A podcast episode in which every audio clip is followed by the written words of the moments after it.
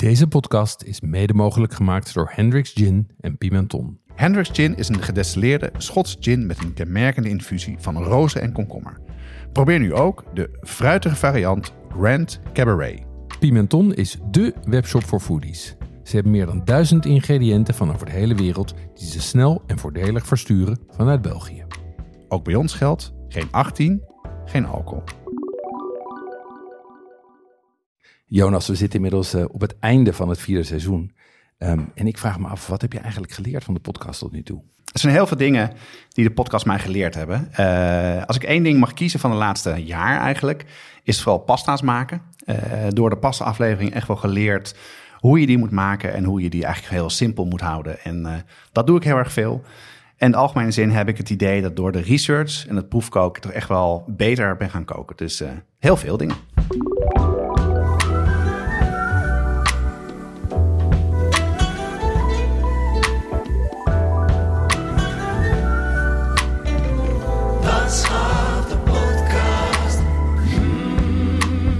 Onze laatste aflevering van het seizoen is altijd een uh, bijzondere. En uh, deze keer hebben wij een bijzondere gast. We hebben Joël Broekaert, uh, restaurantrecensent en culinair journalist.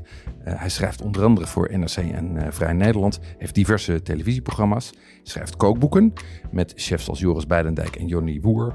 En hij doet theateroptredens waarbij hij ons beter leert proeven. Joël, welkom. Dankjewel. Ja, hartstikke leuk dat je er bent. Uh, we gaan het met jou hebben over hoe je restaurants recenseert. Uh, de wetenschap achter eten, de onderzoek wat je daarna doet. Uh, we gaan het ook hebben over waarom er veel meer aandacht voor eten is en of er iets is als een culinaire cultuur. En we gaan het ook hebben over jouw liefde, namelijk voor Texas. Mooi. Um, we zitten hier in, midden in Amsterdam en we zijn te gast bij Cosentino. Cosentino maakt innovatieve oppervlaktematerialen voor bijvoorbeeld keukens, zoals Silestone en Dekton. En vooral Dekton is interessant, dat is een uh, hittebestendig materiaal, wat heel geschikt is als uh, keukenblad. Ik ken meerdere mensen die dat uh, ook hebben.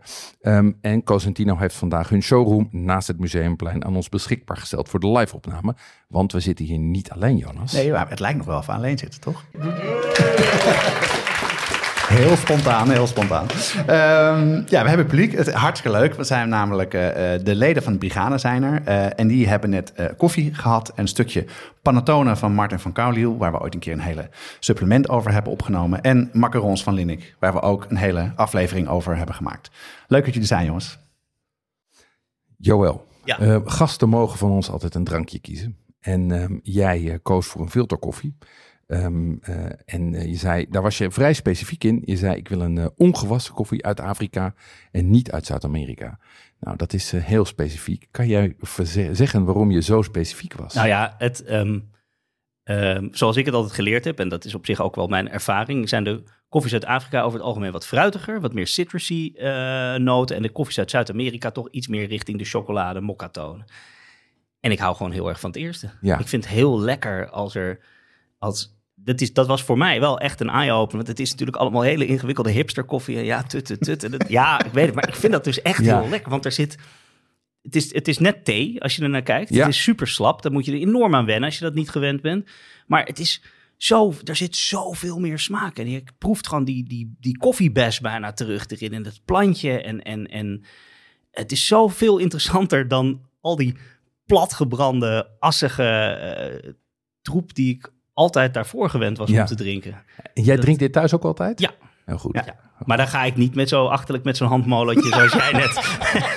Want dat, dat is misschien wel leuk om even te vertellen. Jeroen is net ongeveer een kwartier bezig geweest om dit kopje koffie voor mij te zetten. Ik heb gewoon een filterapparaat, gewoon wel wel zo'n hip uh, Scandinavisch design ding. Ja. Maar, het, um, maar gewoon wat, wat, wat vroeger je krups of je brown ook deed met zo'n met zo'n met zo'n pot. En dan doe je gewoon je filter en dan pompt hij dat water er doorheen. Alleen dit ding, supposedly, doet het allemaal perfect op de juiste temperatuur. En pompt de leidingen dan helemaal leeg, zodat je nooit met oud water blijft. Weet Kijk, je wel, dat is, ja, ja, maar uiteindelijk is het gewoon filterkoffie. Maar dat is gewoon veel en veel lekkerder. Ja. Um, sowieso ik... ben ik geen espresso drinker. Nee. Nee, dat, nee. Ik ben heel blij met die nieuwe, met, met die, met toen, toen, toen die enorme hipstergolf kwam. Toen durfde ik eindelijk toe te geven dat ik die espresso 9 van de 10 keer eigenlijk niet zuipen vind. Ja, en het grappige, ik ben ook, ik ben ook een filteradept. Ik drink ook thuis altijd filterkoffie.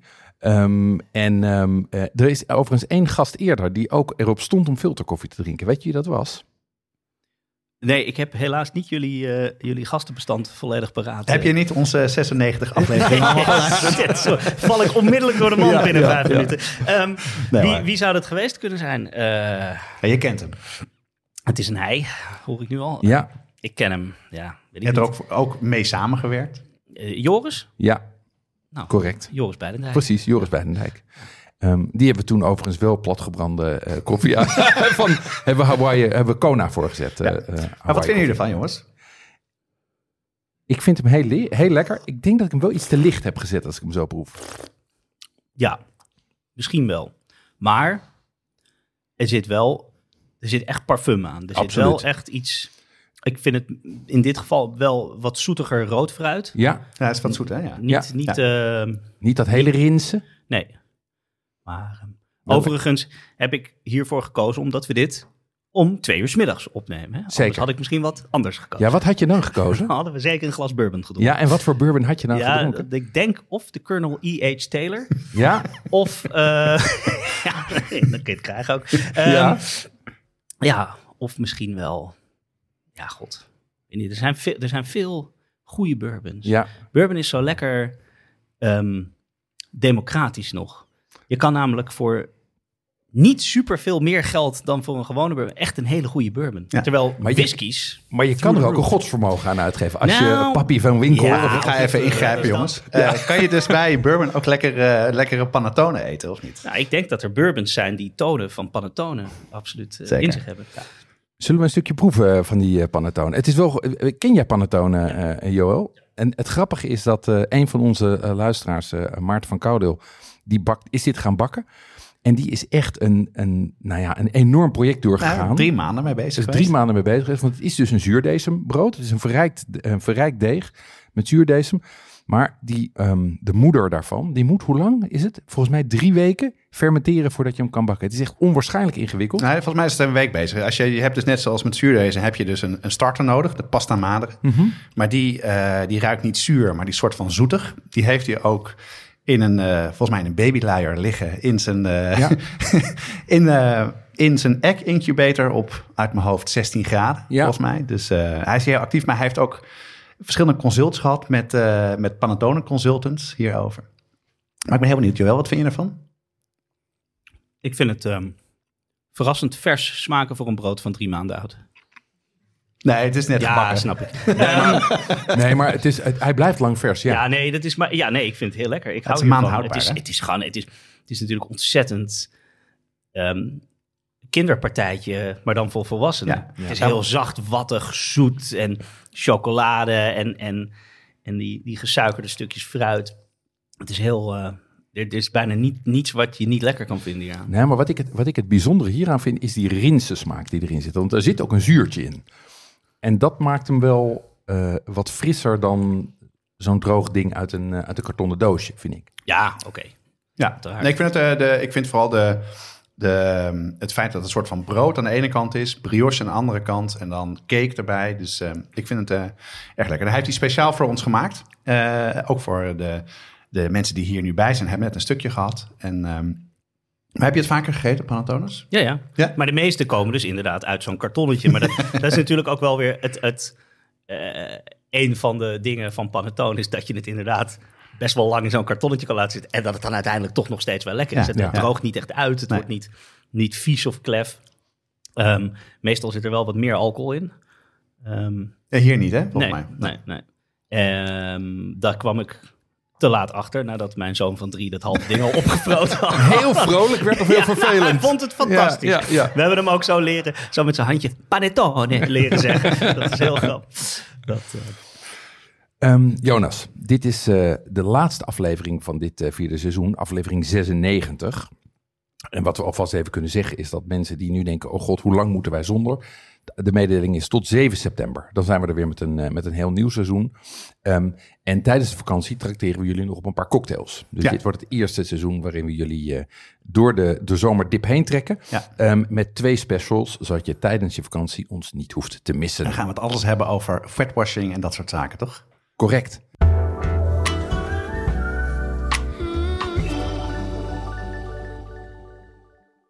Jonas, we hebben een aflevering gemaakt over hot sauces. Dat deden we samen met de mannen achter Heat Supply. Deze hot sauce bazen hebben zelf ook een serie saus uitgebracht. Rijmakers, heetmakers genaamd. Ja, en dat zijn sauzen die niet alleen maar focussen op hitte, maar ook op smaak. En dat is voor ons een kenmerk voor een goede saus. Ze lopen op in pittigheid, uh, van de milde immune booster tot aan de brain buzzer die behoorlijk heet is. En uh, wat ik er zo leuk aan vind is dat het een echt Nederlands product is en dat het prachtige flesjes of doosjes zijn. Nou ja, een flesje die uit een doosje steekt. Uh, heel mooi en uh, leuk als cadeau. Je vindt rijmakers heetmakers op heatsupply.nl of vraag ernaar bij je delicatessenzaak. Nou, Joël, ontzettend leuk dat je er bent. En, um, maar misschien is het goed, Jeroen, voor mensen die Joël misschien wat minder goed kennen, om eventjes goed te introduceren. Wil jij dat even doen? Ja, zoals onze vaste luisteraars van ons gewend zijn, heb ik dan altijd een opstelletje geschreven. En dat zal ik nu even voordragen. Um, Joël heeft geschiedenis en journalistiek gestudeerd aan de Universiteit van Amsterdam. Hij begon zijn journalistieke carrière als stagiair bij NRC en RTL-correspondenten in New York.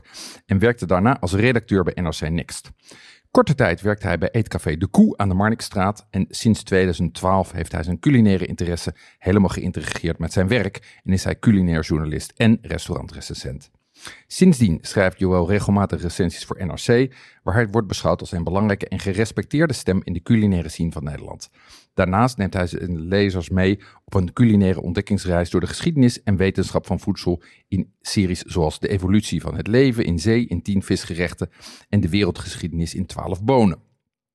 Joël houdt van fine dining, zowel in Nederland als daarbuiten, maar hij is ook niet vies van avontuur en gaat graag de uitdaging aan. Zo heeft hij bijvoorbeeld zalm gevist met lokale bevolking in Alaska, at hij gefermenteerde haai op IJsland en is hij zout gaan winnen in de woestijn van Ethiopië. Op televisie creëert Joël boeiende programma's over de chemie van eten. In De Smaak van Joël onthult hij de geheimen achter alledaagse kooktechnieken, zoals scharen, stollen en gisten. Hij laat zien dat deze technieken vaak veel interessanter zijn dan ze op het eerste gezicht lijken. In de vijf smaken van Joël onderzoekt hij de vijf basissmaken: zoet, zuur, zout, bitter en umami. In vijf afleveringen. Hij was ook jurylid bij Masterchef Nederland. En alsof dit alles nog niet genoeg is, heeft Joël onlangs een nieuw aspect aan zijn werk toegevoegd: proeflessen. Iedereen krijgt een proefbox met ingrediënten en onder leiding van Joël worden er smaakexperimenten gedaan. Na het bijwonen van zo'n proefles in het theater ben je niet alleen op de hoogte van het verschil tussen smaak en aroma, maar begrijp je ook waarom kauwen op chocolade geen goed idee is en waarom vet eten zo lekker is. Bovendien heb je nieuwe en spannende smaken geproefd, leuke proefjes gedaan en zal proeven nooit meer hetzelfde zijn. Deze proeflessen zijn inmiddels ook in boekvorm verkrijgbaar, waarmee je zelf smaakproefjes thuis kan doen. Klopt die? Ja, grotendeels. Grotendeels. Ja, klopt er dit dan? Grotendeels. Nee, um, uh, nee, alles feitelijk klopt het. Oh ja. uh, het is meer dat, dat op zich dit boek, wat nu voor ons ligt, dat proefles natuurlijk wel iets meer is dan een boekvorm van de theatershow. Ja. En, en veel meer uh, eigenlijk een populair wetenschappelijk boek is over wat er allemaal te weten en te leren valt over proeven, ja. over smaak, hoe het werkt. En ja, daar zitten ook wat smaakproefjes in. Ja. Maar het is niet. En de hele ingewikkelde schema's over wat de Maillard-reactie ja, is. Maar, ja. oh ja, en één ding. Um, ik heb heel lang in Café de Koe gewerkt. Ah. Niet heel kort. Ah. Alleen ik was daar eerst barman. En ik heb in de bediening gestaan. Ja. En later heb ik in de keuken gestaan. En dat was niet. Dat was toen ik. Ah, ja. Ah, oké. Je bent van dat voren naar achteren Maar dat is de enige feitelijke onjuistheid waar ik je op te kunnen goed, goed, goed, Nou, goed. nu we het over restaurants Ja. hebben. Eh, jij bent uh, restaurantrecensent, onder andere. Dat lijkt mij een droombaan. Uh, betaald krijgen om uit eten te gaan. Maar het is natuurlijk ook wel een, ja, een beroep of je, je brengt, kan veel teweeg brengen bij restaurants. dus het is interessant om daar wat dieper op in te gaan. Laten we eerst even beginnen met hoe ga je te werk als bij het recenseren van, je, van restaurants? Nou, sowieso. Je wordt vooral betaald om er het vervolgens op te schrijven. Oh, ja. en, en erover na te denken. tuurlijk, en dat soort dingen. Het is, het En voor te bereiden. Ja, nee, dat, nou ja, daar, daar zit natuurlijk, ehm, dat vergeten mensen vaak, er zit natuurlijk aan de voorkant ook behoorlijk wat denkwerk in de selectie. Ja. Want als je eenmaal gegaan bent, dan moet je.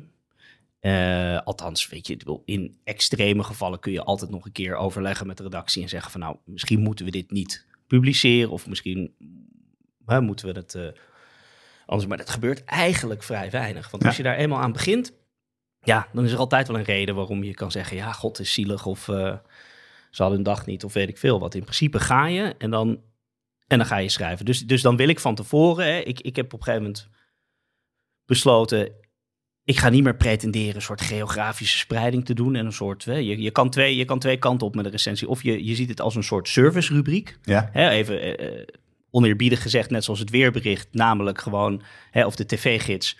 Eh, wij kijken wat er te bieden is. Eh, onze recensent gaat daar voor u naartoe.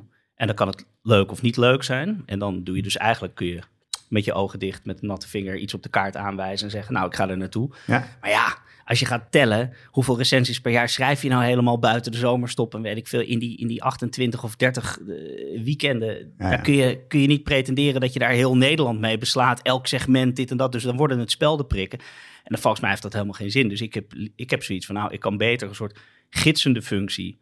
Dus dan ga je, wil je vooral laten zien aan mensen waar het leuk is en waar je wel naartoe moet. Nou ja, Mhm. ja. Maar in sommige gevallen ook. Ik bedoel, als iets een, een bekende naam is, of eh, veel in het nieuws, of I don't know, met, eh, eh, koketteert met iets of schermt met het een of het ander, waardoor het opvalt, ja, dan, dan valt het mij op. Dan zou het jullie ook op kunnen vallen. En dan is het dus zinnig dat ik daar naartoe ga om te kijken wat, eh, wat voor vlees we in de kuip hebben. Maar hoe doe je dat dan? Hoe, want eh, heb je dan een hele lange lijst met, met restaurants? Of Ook, word je getipt? Of, of kan je daar iets over vertellen? Ja, nee, tuurlijk. Eh, ehm, veel, al die eindeloos die nieuwsbrieven van de, van de, vak, van de horecavakbladen natuurlijk doorspitten. En, en kijken wat er, of, er wat, of er nieuwe namen komen. Maar vooral gewoon, ja, toch opletten.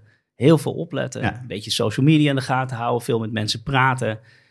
Chefs Ehm, volgen denk ik ook. Ja, en, en ja, dat is toch. Het, het, het, ehm, er is niet een, een kant-en-klaar recept of zo. Het is, het is echt gewoon je vingers eh, overal in de pap hebben Ja. en, eh En je oor te luisteren. Heb jij, hou je lijstje bij, zeg maar, op Jawel. je telefoon? Of zoiets? ja, ja, ik heb een soort, soort longlist, shortlist. Ja, eh, waar ik af en toe, als ik het niet meer weet, dan ga, kijk ik even op mijn lijstje. ja. En, en doe je dat alleen? Of doe je dat met, met, met, met degene met wie je uit eten gaat? Hoe... Wat dat lijstje bij ja, ja, en ook die Nou, keuzes maken? Is Nee, dat... ik maak de keuze. Jij maakt de keuze. Ja. Ja. En ehm, er zijn wel mensen die, eh, die af en toe iets laten weten. Of zeggen, hey, ben je daar al geweest? Ja. Ik ben benieuwd wat je daarvan vindt. Ja. En eh, de bedoel, tips zijn altijd welkom. Ja? Ja. Oh, ja? Ook Ja. als je op de tram staat te wachten en iemand komt naar je toe en die zegt... hey, jij bent toch van de krant en weet je waar je echt eens moet eten? Dat gebeurt neem ik aan, of niet? Nou, nee. Nee? Nee. Nee? Ehm, Je reist niet meer met de tram. nou, vandaag Ja. nog. Nee. Oh ja. Nou, eh, nee, wel, ik zal je heel veel Wat ik het allerleukst vond, ik stond een paar maanden geleden in Rotterdam op het perron. Ehm, en er kwam opeens een jongen naar me toe en die zei... Ben jij Joël? Ik herken je stem. Wat zonde dat jullie gestopt zijn met de podcast. Nou, dat vond ik zo lief. Dat Ja. ik- dus dat, ehm, maar, eh, maar nee, ik word niet eh, dagelijks herkend op straat, nee. Maar nee, ja, tuurlijk in principe wel. Kijk, als ik er niet eh, een half uur over hoef te praten bij elke bushalte... dan vind ik, mag iedereen... Ja, nee, tips zijn altijd welkom. Hey, en hoe selecteer je dan de restaurants? Waar, waar, waar, waar, hoe kies je degene om naartoe te gaan dan? Je had net al wat gezegd over dat je, wat een beetje je, je aanpak is. Nou, ik wil eigenlijk vooropgesteld, dit lukt niet elke week. En dat kan ook niet. Maar ik heb wel op een gegeven moment gezegd, ik wil mezelf wel ten doel stellen om zo vaak mogelijk, ik wil dat een restaurant recensie, in ieder geval het verhaal dat ik schrijf, iets meer kan vertellen dan alleen maar de recensie van het restaurant zelf. Dus ja, ja. dat een Ja. bepaald restaurant staat voor een stroming of voor een keuken of voor een... Hè, en ik- kijk, heel simpel gezegd, eh, iedereen weet nu wel wat de Szechuan Chinees is, maar nu heb je opeens uit Xi'an alle, eh, een nieuw eten. Dat is leuk, want dan kun je wat vertellen over die specifieke keuken. Dat Ja, is een heel ja. plat voorbeeld, maar kan natuurlijk ook ehm, meer eh, vanuit ja, eh, trends, Nordic cuisine trends, dat soort dingen. Goed, dat is natuurlijk ook al weer Ja. een tijdje bezig. Dat is niet, niet het allernieuwste, maar ehm, ja, of, of dus ik probeer altijd te kijken, zit hier nog een verhaal achter? Ja. Zit Is er, is er meer achter? te vertellen? Ja, precies. Ja. Je bent best wel veel eh, door heel Nederland restaurants aan het testen. dat doe ik ook een paar jaar geleden. Eh, dat is, heeft ook met die geografische spreiding. Ik zeg, jongens, we zijn niet een heel groot land. En you're gonna hate me for. it. Er zijn heel veel mensen die vinden mij een, een verwende eh, eh, eikel eh, van binnen de A10. Ja. Maar laten we heel eerlijk zijn. Het meest interessante gebeurt in Amsterdam en Rotterdam. Ja. Ja, en de sterrententen zitten in kut op zand en weet ik veel wat ergens. En dat is, ja, maar dat is prima. Maar weet je wel, en ik zoek echt en ik doe echt mijn best. En ik wil heel graag. Voor mij zijn de allerleukste verhalen om te schrijven als je de pizzeria van Pingjum vlak over de afsluitdijk de hemel in kan schrijven. Dat is het allerleukste, Ja, echt. ja. Dus Ik, ik ben echt niet te beroerd om stad en land af te reizen. Maar let's be honest, jongens. Dit is gewoon. Hier zitten de toeristen, hier zitten de, de expats. Hier heb je gewoon een, een voedingsbodem voor een hele rijke restaurantcultuur. die elkaar kruisbestuift. Waar jonge chefs dingen bij mij in Amsterdam Noord staan. Weet je wel, op een relatief goedkoop uh, qua huur en dat soort dingen kunnen zien. Daar gebeuren gewoon meer dingen dan in Apeldoorn en Amersfoort. Ja, en, ja. En, en, en het is ook niet leuk voor een restaurateur in I don't know where. Dat ik dan een keer daar kom, omdat ik nou zo nodig ook eens een keer daar moet zijn. En dan een verhaal moet schrijven. Ja, ach god, ja, god, het is niet slecht. Maar dit, daar heb jij niks aan om te lezen. Ik vind het niet leuk om te schrijven. Het is voor die restaurateur ook niet leuk. Ja, het is ook niet leuk om, om dat te doen dan. Bedoel, Nee, je zit dus- toch een hele avond ja. ben je, of een dag ben je overdag aan het eten. Dus dat- ik, ik, ik doe mijn best om leuke dingen eh, te vinden op allerlei plekken. Maar Ja. dat, dat de balans meer naar de Randstad of, of naar de hoofdstad uitslaat, dat vind ik ook eigenlijk heel goed te verantwoorden. Hey, hey, hey, en dan zit je dus in zo'n eh, eh, in zo'n zaak. Eh, weten de restaurateurs dan wie je bent? Zeg, her, maak je je kenbaar? Nee. Nee. Nou ja, nee, ik ga daar niet met een vlaggetje zitten. Dat- Nee. met Of een petje met- op. met Nee, laptop ja, open precies. Nee, nou ja, ik heb wel een boekje. Ik, Ja. ik heb dus niet... Je, je hebt ook ehm, eh, collega's die, die spreken dingen in op hun telefoon... Ja. of die nemen het gesprek op. Maar ik heb gewoon een boekje. En dus vaak hebben ze dan wel door dat er iets aan de hand is. Ja. En eh, ik heb, ben ook niet super onherkenbaar. Dus als ze weten wie ik ben, dan hebben ze het ook wel vrij snel door dat Ja. ik het ben. En, maar het gebeurt ook regelmatig nog wel eens dat je ergens zit en dat ze aan het eind van de avond... Meneer, mag ik iets vragen? Ik denk, nou, oké. Eh, heeft u een blog of zo? Ja, zoiets. Maar zeg je dan niet eerlijk wat je... jawel, je- jawel, Ja. jawel. Maar dat zeg ik dan wel vaak. ik van, joh, ehm, ik vertel het straks aan het eind van de Ja, avond. ja, precies. zo. Dat je gewoon niet... eh, Ja, maar ze- vaak zijn ze ook gewoon, dan denken ze, oh wat leuk, ben je ook kok? Ben je dingen aan het noteren, dit en dan? Dan Ja. willen ze daar gewoon leuk gesprek over. Hey, en doe je dat dan alleen? Zit je alleen aan tafel of doe je dat met... Nee, eh, nee. hoe- met eh, heb je een vast iemand met wie je dan eh, Nee, ik heb een, klein, een heel klein clubje vaste mensen die ik, eh, die ik meeneem. Ja, en, en wat voor rol heeft dan je tafelgenoot eh, bij de recensie of bij het eten dan?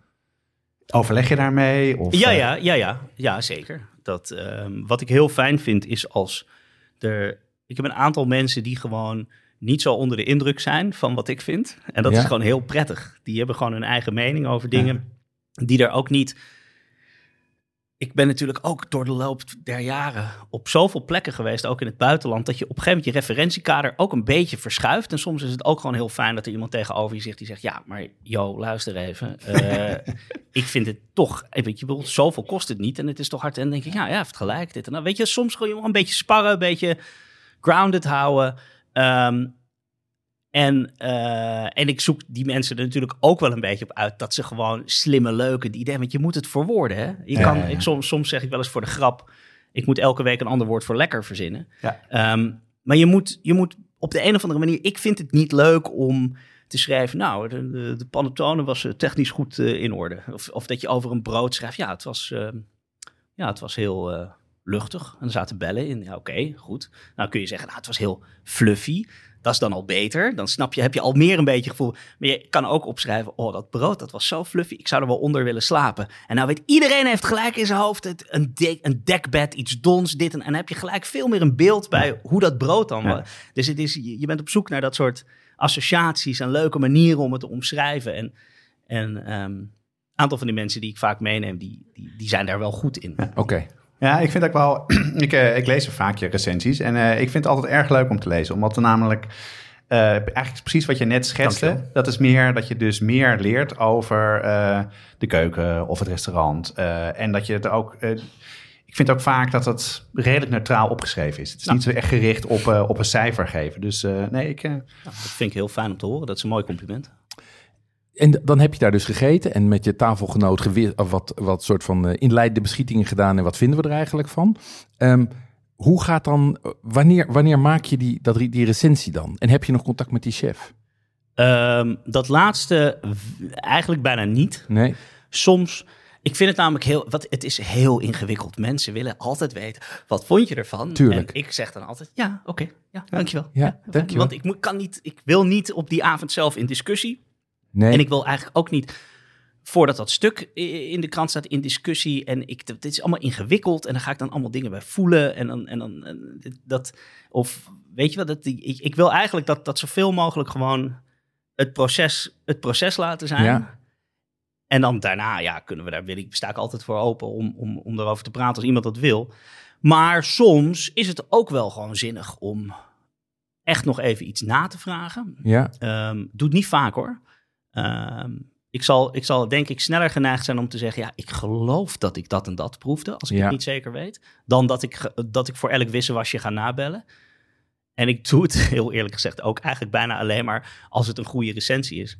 Want ik vind het gewoon te ongemakkelijk om anders zo Ja. iemand te bellen... en dan te zeggen, ja, ja, nee, ik zeg er nog niks over... maar ik wil wel even... of dan zeggen, ja, ik vond het niet zo goed... maar ik wil wel... ik zou niet weten hoe ik dat moest doen. Ja, ja, dus, maar dat betekent eigenlijk dat voor de restaurateurs die luisteren, dat aan het eind van zo'n, als een eind van zo, zo'n dinertje, ja, altijd een beetje zeg maar op slot gaat. In ieder geval communicatief Ja, sluit je je af. Ja, en we gaan ook niet uitgebreid aan tafel al daarover praten Nee. tijdens die avond. Dat doen we in de auto terug of Ja. de volgende dag.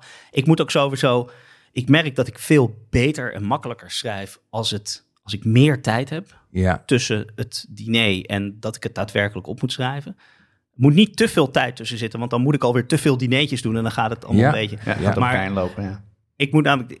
Ik kan, weet, ik, soms, ik bedoel, het kan twee kanten op, maar soms zit je ergens dat je denkt, jezus, dit is hartstikke kut. En dan, gaat helemaal dit- en dan de volgende dag word je wakker en denk je, ah, die arme mensen. Dit, die, ik ga door zo'n aantal Ja, van die golven ja, heen en dat moet zich allemaal een beetje zo nivelleren en een beetje soort, soort tot eh, in een balans ehm, uitmonden. En dan kan ik er zo. Dus ik heb sowieso twee, drie dagen nodig om het even te laten marineren en er van alles uit, eh, uit te kunnen laten schieten. En dan kan ik hem wel overwogen eh, oordeel vellen. En schrijf je hem dan in één keer uit? Of als ik het- genoeg tijd heb wel. Want als, hoe langer ik het gewoon onder de douche kan laten marineren. Dit en, en op een gegeven moment heb ik dat hele stuk al bijna helemaal in mijn hoofd. En dan ga ik zitten en dan is het... Bam. Ja. eh, als ik... Als ik, ja, weet je, soms lukt het niet en heb je een deadline of weet ik veel wat. En dan, dan als ik dan dat denkproces tijdens het schrijven moet doen, dan kan het soms echt zo alsof je door nat zand aan het tikken bent. zo, dat je dan, en dan duurt het heel lang. Hey, en eh, eh, is het een droombaan om restaurantrecensent te zijn? Nou ja, ik vind van wel. Ja? En wat vind je dan echt... ja, maar goed, het is een baan, hè? Het is, het is werk, dus het is, Het is- niet het is hard altijd leuk. ja. Nou, ik zeg, nee, ik vind niet per se heel hard werken, maar het is wel... Nou, het is, je Eh, moet toch echt wel eh, eh, veel uit eten gaan, goed voorbereiden. Ja, dat wel. Je wil eh, Veel iedereen eh, maken. tot, tot zijn recht laten komen. Zeker, zeker. Ik, vind het, nou, ik, ik voel het wel als een... een, een, een- dat, dat klinkt misschien een beetje... Nou, ik weet niet hoe dat klinkt, maar ik, ik, voel, ik voel de verantwoordelijkheid ik kan me voorstellen. Ik ja. vind dat. Ik, vind, ik wil elke week twee kanten op. Aan de ene kant, elke week ben je daar in het openbaar domein. Sta je met je foto in de krant. Je hebt een stuk waar iedereen van alles van kan vinden. En, en het moet allemaal maar kloppen elke keer. En het moet allemaal weer. En ik moet, Ja. elke week moet ik mijn beste stuk schrijven. Dus die druk zit Ja. erop. En tegelijkertijd vind ik het ook gewoon heel. eh, een hele verantwoordelijkheid om soms iets niet zo leuks of ja, goed, ik probeer het altijd zo aardig mogelijk te doen. Eh, maar ja, je, soms moet je iets niet zo leuks over mensen Ja. schrijven die er toch hard voor werken. En dat vind ik ook best wel pittig soms. Ja, dat, dat, lijkt me, dat lijkt me denk ik een van de moeilijkste dingen van het vak. Eh, ik denk, ik, ik heb het idee dat je meestal eh, niet heel negatief bent, maar er zijn er een aantal tussen. Ehm, toch ook wel goed om daar heel even bij stil te staan. En je hebt een recensie geschreven over de beren. Ja. Die was ronduit vernietigend. Ja. Eh, daar zal je goede redenen voor hebben. Ja. Eh, laten we het daar even verder over hebben. Maar beginnen, heel- eerst wil je vragen om een stukje Oh van je recensie even voor te lezen. Die gefrituurde kippendijtjes met sweet chili saus zijn best een prima barsnackje. De maple syrup is van biologische A-grade kwaliteit. Ik heb het gecheckt in de keuken. En keuken staat hier tussen aanhalingstekens.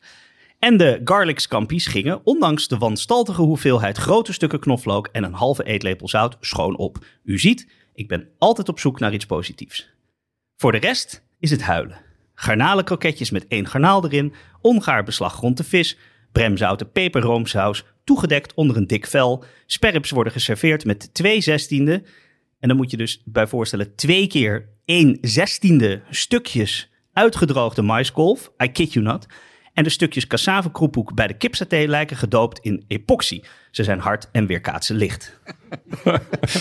Maar goed, hier heb je lang over nagedacht of, of kort over nagedacht om het zo op te schrijven. Nee, hier heb ik niet lang over. Nou, althans, ik heb natuurlijk geslepen en geveild. En nee, weet je wel, dat, dat- wel, dat hoor je wel. Ja. Ja, nee, dat is dat. Maar kijk, er zitten een aantal vernietigende tussen. Maar je zult zien, als je goed kijkt, dat zijn nooit eh, twee, een, een ondernemend stel of iets. Ja, ja, ja. Als ik een vernietigende... Dit is gewoon... Hier worden een aantal mensen stinkend rijk van. eh, een omdat concept. er- ja, omdat er 52 franchises van, van het concept zijn. En ze zijn gewoon troep aan het verkopen voor, voor premium prijzen. Ja. En daar word ik gewoon zo, daar word ik echt, ik kan er nu weer pissig van. Ja, nee, ik word ja. er gewoon pissig van. Het is hetzelfde met die dessertclub die ik ooit een keertje gedaan.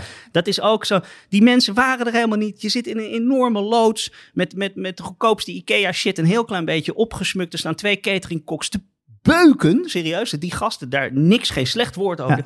Er staan eh, daar eh, het uitzendpersoneel wat nog niet eens weet. Die gast weet meer over, over, over, over haar producten dan over de wijn die die schenkt en dit en. En dan vervolgens moet ik 200 zoveel euro aan het eind van de avond. En dan denk ik, er zit Ja, ja. dus iemand op zijn witte sky leren bank in zijn staakcaravan als zijn geld te tellen. Ja. God op weer, weet je wel. Dat, nou, dat kan ik echt niet tegen. Dat, Hey, en heb eh, je hier, eh, wat, voor, wat was de reactie op deze recensie? dit, he- ik heb nog, dit, is, dit heeft heel veel losgemaakt. Vertel. Nou ja, het punt is dus. Ehm, maar dit, dit is echt een heel goed voorbeeld van eigenlijk alle vragen die je hiervoor ook stelde. Je vraagt je af, waarom, hoe selecteer je? Ik denk, ik krijg te zien dat er de tweede, de 53ste vestiging, Ja, veel poeha ja, wordt het Veel aangekondigd. persberichten. Dat Ik denk, ja, jongens, dat blijkbaar eet iedereen hier. Dit is een ding, dit is een fenomeen. Dat moeten we dan testen. Vervolgens zie ik, ja, denk ik, oké, ja, naar één zo'n beren gaan. Dat is natuurlijk ook, ja, daar kun je niks over de beren in het algemeen. Dus ik zeg, nou, ik moet er minimaal drie eh, bezoeken. En op basis van die drie bezoeken heb ik ook pas besloten dat ik dacht, oké, nu heb ik wel genoeg gezien om te kunnen, om, nu durf ik mijn hand ervoor in het vuur te steken dat je deze recensie over, al, Ja, dat dit ja, over ja. alle, nou, dat moet je dus eerst ook nog achter zien te komen.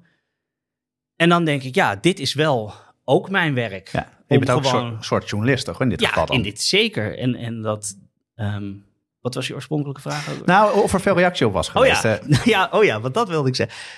Het lullige is dus, en het is, ja, ik moet hier een beetje om lachen, maar dit is ook heel ongemakkelijk natuurlijk, dat het feit dat dit zo ontzettend populair en succesvol is, betekent dat je niet alleen een recensie over de beren schrijft, maar stiekem ook een beetje een recensie over de culinaire smaak van het Nederlands publiek. Ja, ja. Dat Ja. werd even niet een dank afgegaan. Dat Nee. schoot heel veel mensen in het verkeerde keelgat. Oh. Dus er zijn volgens mij iets van, van eh 2500 reacties op de Facebook van, eh, van NRC op die post gekomen. Oh, serieus? Van, ja, en op een gegeven moment wat Misset, dus het, zeg maar het horeca vakblad Misset ook, die gingen op een gegeven moment ook van die spin-off berichten, die kopten... eh, het stond echt zo in die nieuwsbrief. Komt, duizenden steunbetuigingen van gasten van de beren. En dit. Jongens, come aan zeg. Waar gaat dit over?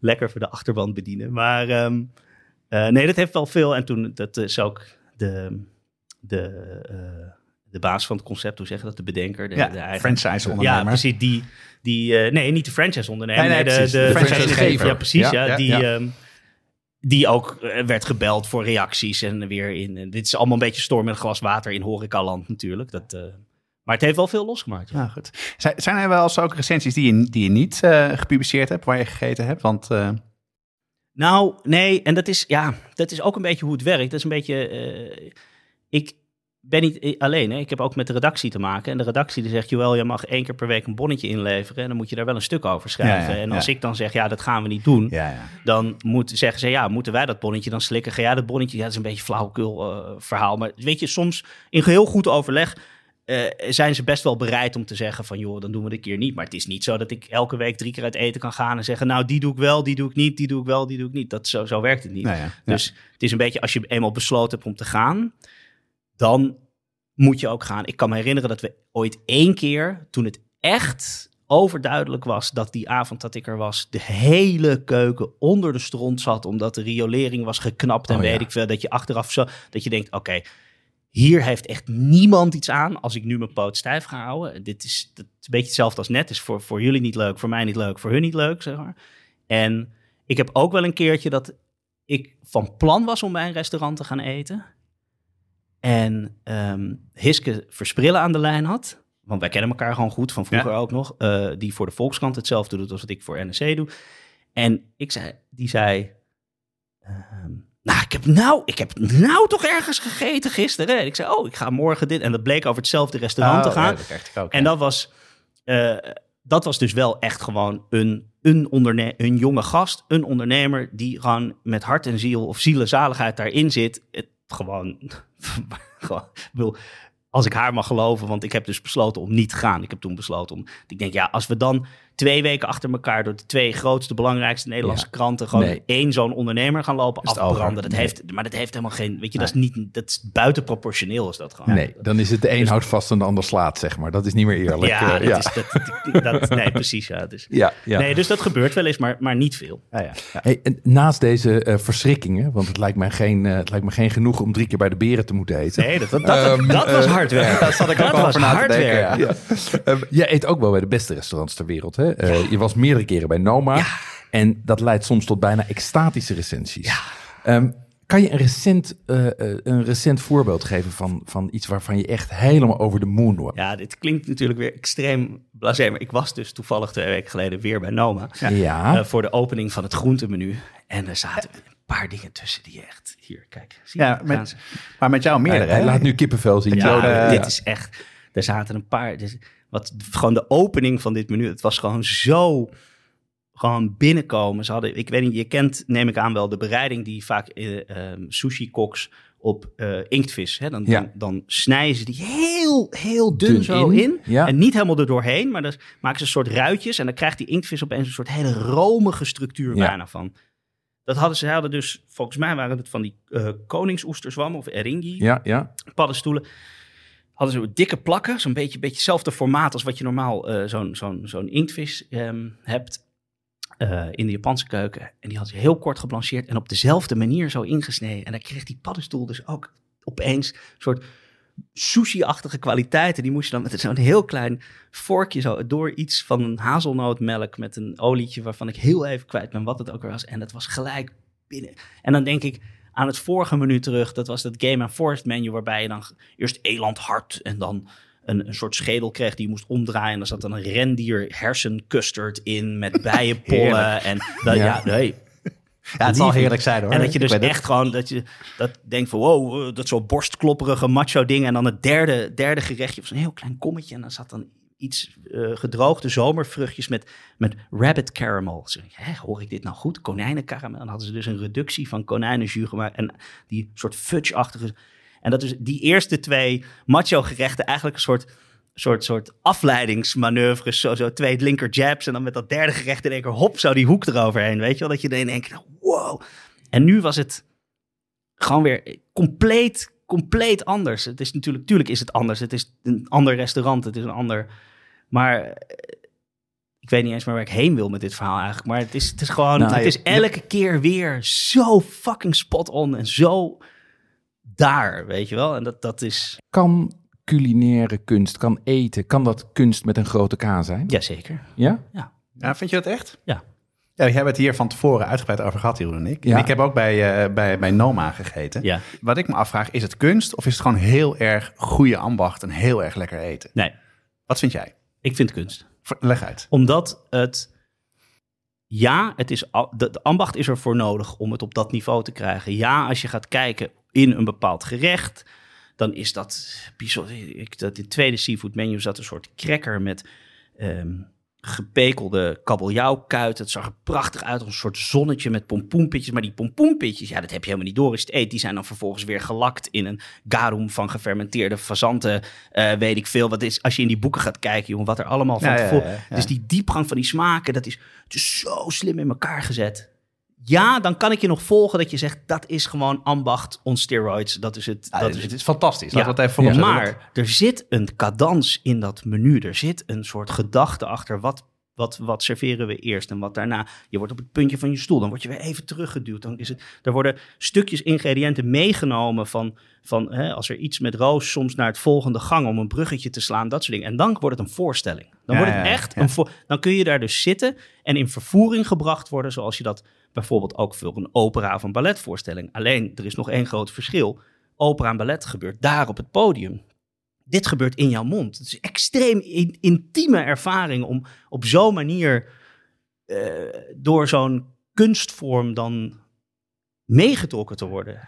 E- Even terug naar die vraag van wat, wat tilt het dan naar het perfect uitgevoerde ambacht, naar het kunstniveau? Is dat dan het, de totaalervaring of het orchestreren of het verhaal vertellen dat wat eronder... Het, ja, het menu is het. Het is niet, Ja. Dat zit hem niet zozeer in de... ge- ja, ook wel in... Trouwens, dat kan ook wel. Je kan ook gewoon een gerecht hebben wat zo mooi is dat ik het een... eh, Ik bedoel, waarom, waarom is een bepaald schilderij dan niet gewoon een hele goede tekening? Ik bedoel, waar Ja. zit hem dat dan in? Ja, ja. Ja, Ja, nou dat ja. heeft die meneer supergoed geschilderd, ja, inderdaad. Maar het, is, het doet ook nog iets met je, weet je wel? Bedoel, Ja, bedoel, Ehm, je weet inmiddels heel veel van koken en hoe het gaat. Je werkt ook met veel chefs samen. Ehm, hoe voorkom je dat je met twee benen in één kous komt te zitten, zoals ze dat in Vlaanderen zeggen? Dat er een belangenverstrengeling is tussen het werken met Johnny Boer en het schrijven over de libreien. Eh, nou, door dat niet te doen. Ik heb ehm, bijvoorbeeld, ja, ja, met Johnny bijvoorbeeld, dat, ik heb een keer een recensie over de Librei geschreven. Dat was een eh, hele positieve recensie. Ehm, en toen zij vroegen van, eh, hey, vind je het leuk misschien om, eh, we gaan een boek maken, wil jij daar teksten voor sturen? Heb ik gezegd, nou, dat, dat vind ik heel leuk, alleen dat betekent wel dat ik nooit meer iets over jullie kan schrijven. Punt. Maar goed, dat had ik al gedaan toen. En daarom ga ik, ik ga dus ook niet nu Brasboer meer recenseren of iets dergelijks. Dat, we cross that bridge. En dan is het Joris Beidendijk hetzelfde. Die ken ik natuurlijk van vroeger, eh, omdat we samen op dezelfde basisschool zaten. En verder helemaal niet per se dat zo ehm, eh, vervlochten dat ik daar niet een recensie over zijn tent kon schrijven. Maar goed, toen gingen we wat vaker dingen doen. Toen hebben we ook samen bij de Wereld Door een rubriek gehad. Ja, op dat moment is er gewoon, dan, dan ga ik niet meer over. Ik ook gezegd, Joris, luister, ik ben ook niet meer naar Wils gegaan. Dat ga ik gewoon niet meer doen nu. En weet je, het stomme is, ik, ik denk dat ik prima een recensie over zijn tent zou kunnen schrijven. Want er zijn weinig mensen die oprecht geïnteresseerd zijn, ook in wat ik er niet goed aan vind. En de meeste mensen vragen, wat vond je ervan? Als je dan zegt, nou, die dan zijn ze toch teleur. Want ze willen eigenlijk alleen maar horen dat het goed was. Maar Joris wil alleen maar, je wil juist van mij horen wat ik denk dat er beter kan. Dus ik denk dat dat prima kan. En als ik zou opschrijven, Joris Beidendijk zijn nieuwe tent is helemaal kut, dan zou er geen haan naar kraaien. Maar als ik opschrijf dat het heel goed is, dan gaan mensen opeens roepen, ja, maar die kennen elkaar en dat zijn vrienden. Dus het kan gewoon niet meer, punt. Nee, dus nee. dat doe ik dan niet. Nee. Dus dat, dat is een heel simpel antwoord. Ja, maar dat betekent dus dat er bij jou een, een laat ik zeggen, met elk nieuw boek wat je schrijft, dat er een groeiend lijstje is van zaken waar je niet naartoe kan. Ja, dat is de praktijk. Ja, maar zoveel zijn het er niet, hè? Het zijn Joris en Jonny en, en wie nog meer. Ik heb een keer een, een voorwoord voor een sambal-boek geschreven van... En, eh, zoveel is het ook weer niet. het zijn geen legio. Ehm, en we, maar ja, nee, dat klopt. Maar ik vind wel dat er meer is dan alleen restaurants recenseren. Ik vind veel, ik vind koken, restaurantwezen, horeca, veel, nog veel leuker. Er zijn nog veel meer leuk. Ja, dat klinkt allemaal heel gratuit, maar er is nog zoveel leuks te doen buiten alleen maar recenseren. Ja, ik zou dat niet alleen nog maar willen doen. Dus ik moet daar een balans in vinden. En, je- en je doet ook natuurlijk heel erg veel andere dingen nog. Ja. Ik bedoel, eh, het boek ligt op tafel. Daar Yes. heb je ontzettend veel research voor gedaan. Je, je tv-programma's. Eh, ik denk dus, als ik je nu zo een beetje meemaakt, alles wat je wil schrijven, wil je zeker van weten dat het klopt. Ja. Dus ik denk dat je erg eh, je onderzoek doet. Kan je iets vertellen over, over die drang die je hebt om eh, te zoeken naar waar ingrediënten vandaan komen, wat voor technieken er zijn eh, en de chemie van smaakbeleving? Waar komt dat vandaan? Waar, wat drijft je daarin? Ja, dat, is, dat heb ik. ehm, die vraag krijg ik vaker en ik heb er wel eens over nagedacht. Maar ik, ik weet, dit is gewoon. Ik vind dat heel erg tof. En ik kan er verder niet zoveel. Om dat uit te zoeken en Ja, te nou, weten. ja, om het te weten. Ik Ja, vind gewoon hoe het werkt.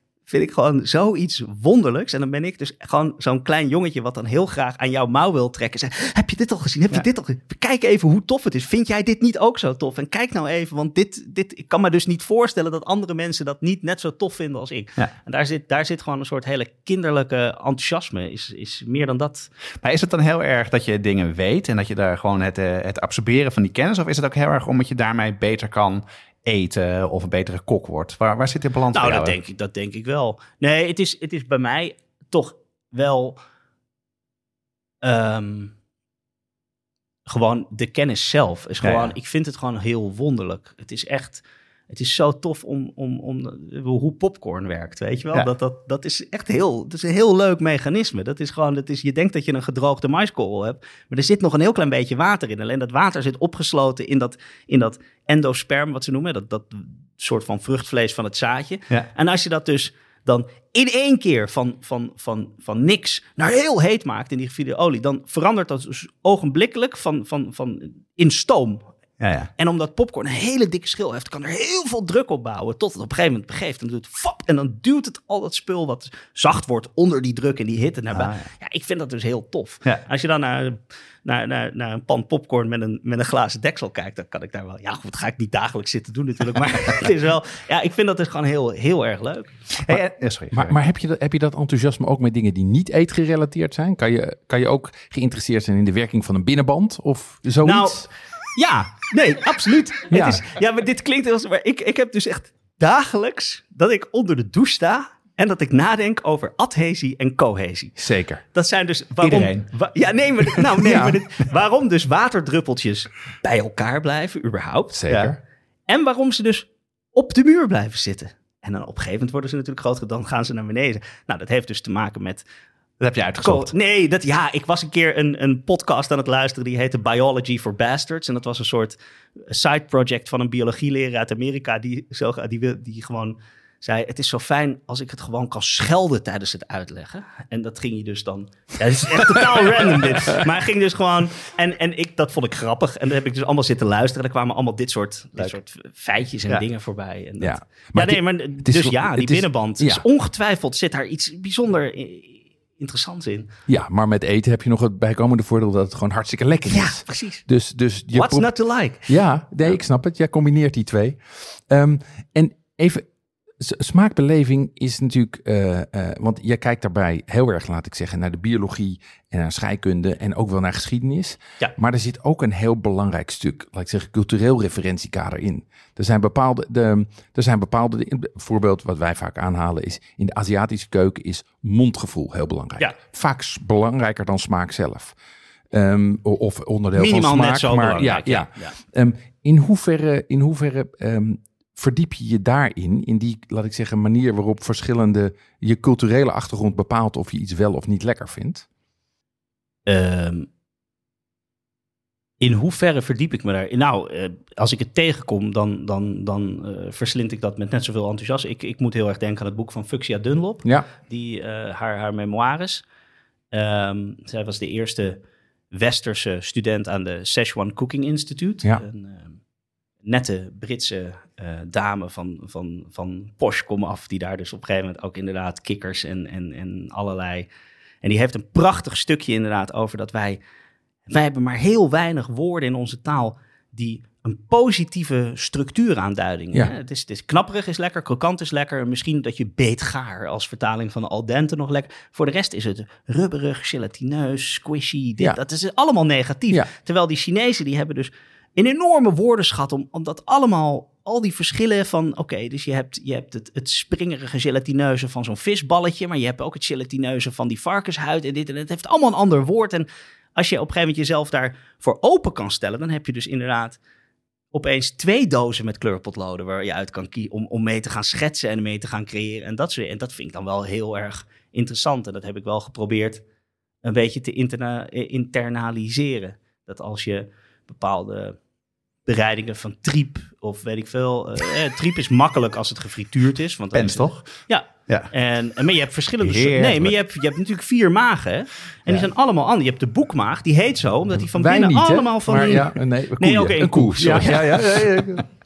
ja, eh, eh, omdat, omdat die van binnen, zeg maar, allemaal hele dunne velletjes heeft die, die lijken op een boek. En een netmaag heet zo, omdat hij zo'n honingraadstructuur heeft. En dat zijn allemaal andere gevoelens. En als je dat juist doet, ja, maar je moet wel goed weten hoe je het klaarmaakt. Je kan het namelijk enorm verpesten. En als het dan gewoon taai en smerig wordt, ja, dan is het niet Ja. lekker. Ja, ik moet he- de pens is voor mij, ga ik altijd terug naar de hond die we vroeger hadden. En die kreeg van mijn moeder, kreeg die pens. Dat stond op het vuur. En sindsdien kan ik dat echt nooit meer eten. Nee, ja. Ja, maar even terug naar, Ja. je, naar je, je onderzoek. Hè? Dus je, je, je, je duikt echt in een onderwerp. Dat merken we nu ook weer.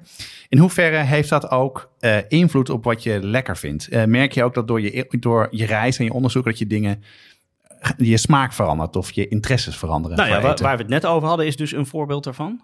Ehm, en ik ben gewoon heel avontuurlijk. Ik wil gewoon heel veel dingen. Ik wil het gewoon allemaal proeven. Ik wil Ja, het in ja. ieder geval een keer geproefd hebben. En dan er zijn ook wel dingen die ik niet meer hoef te eten.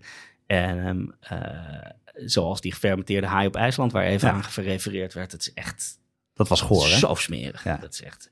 Ehm, dat is het enige waar mijn lichaam een gewoon voor mij een grens getrokken heeft. Nou ja. Gewoon, Maar jij, jij Dit, kan, weet je wel, dat het gewoon, ik kreeg het niet weggeslikt gewoon. maar jij, ben- jij kan dus echt wel dingen waarvan je, als je daarover nadenkt, nou, dat ga ik niet doen, dan jij kan dat gewoon eten.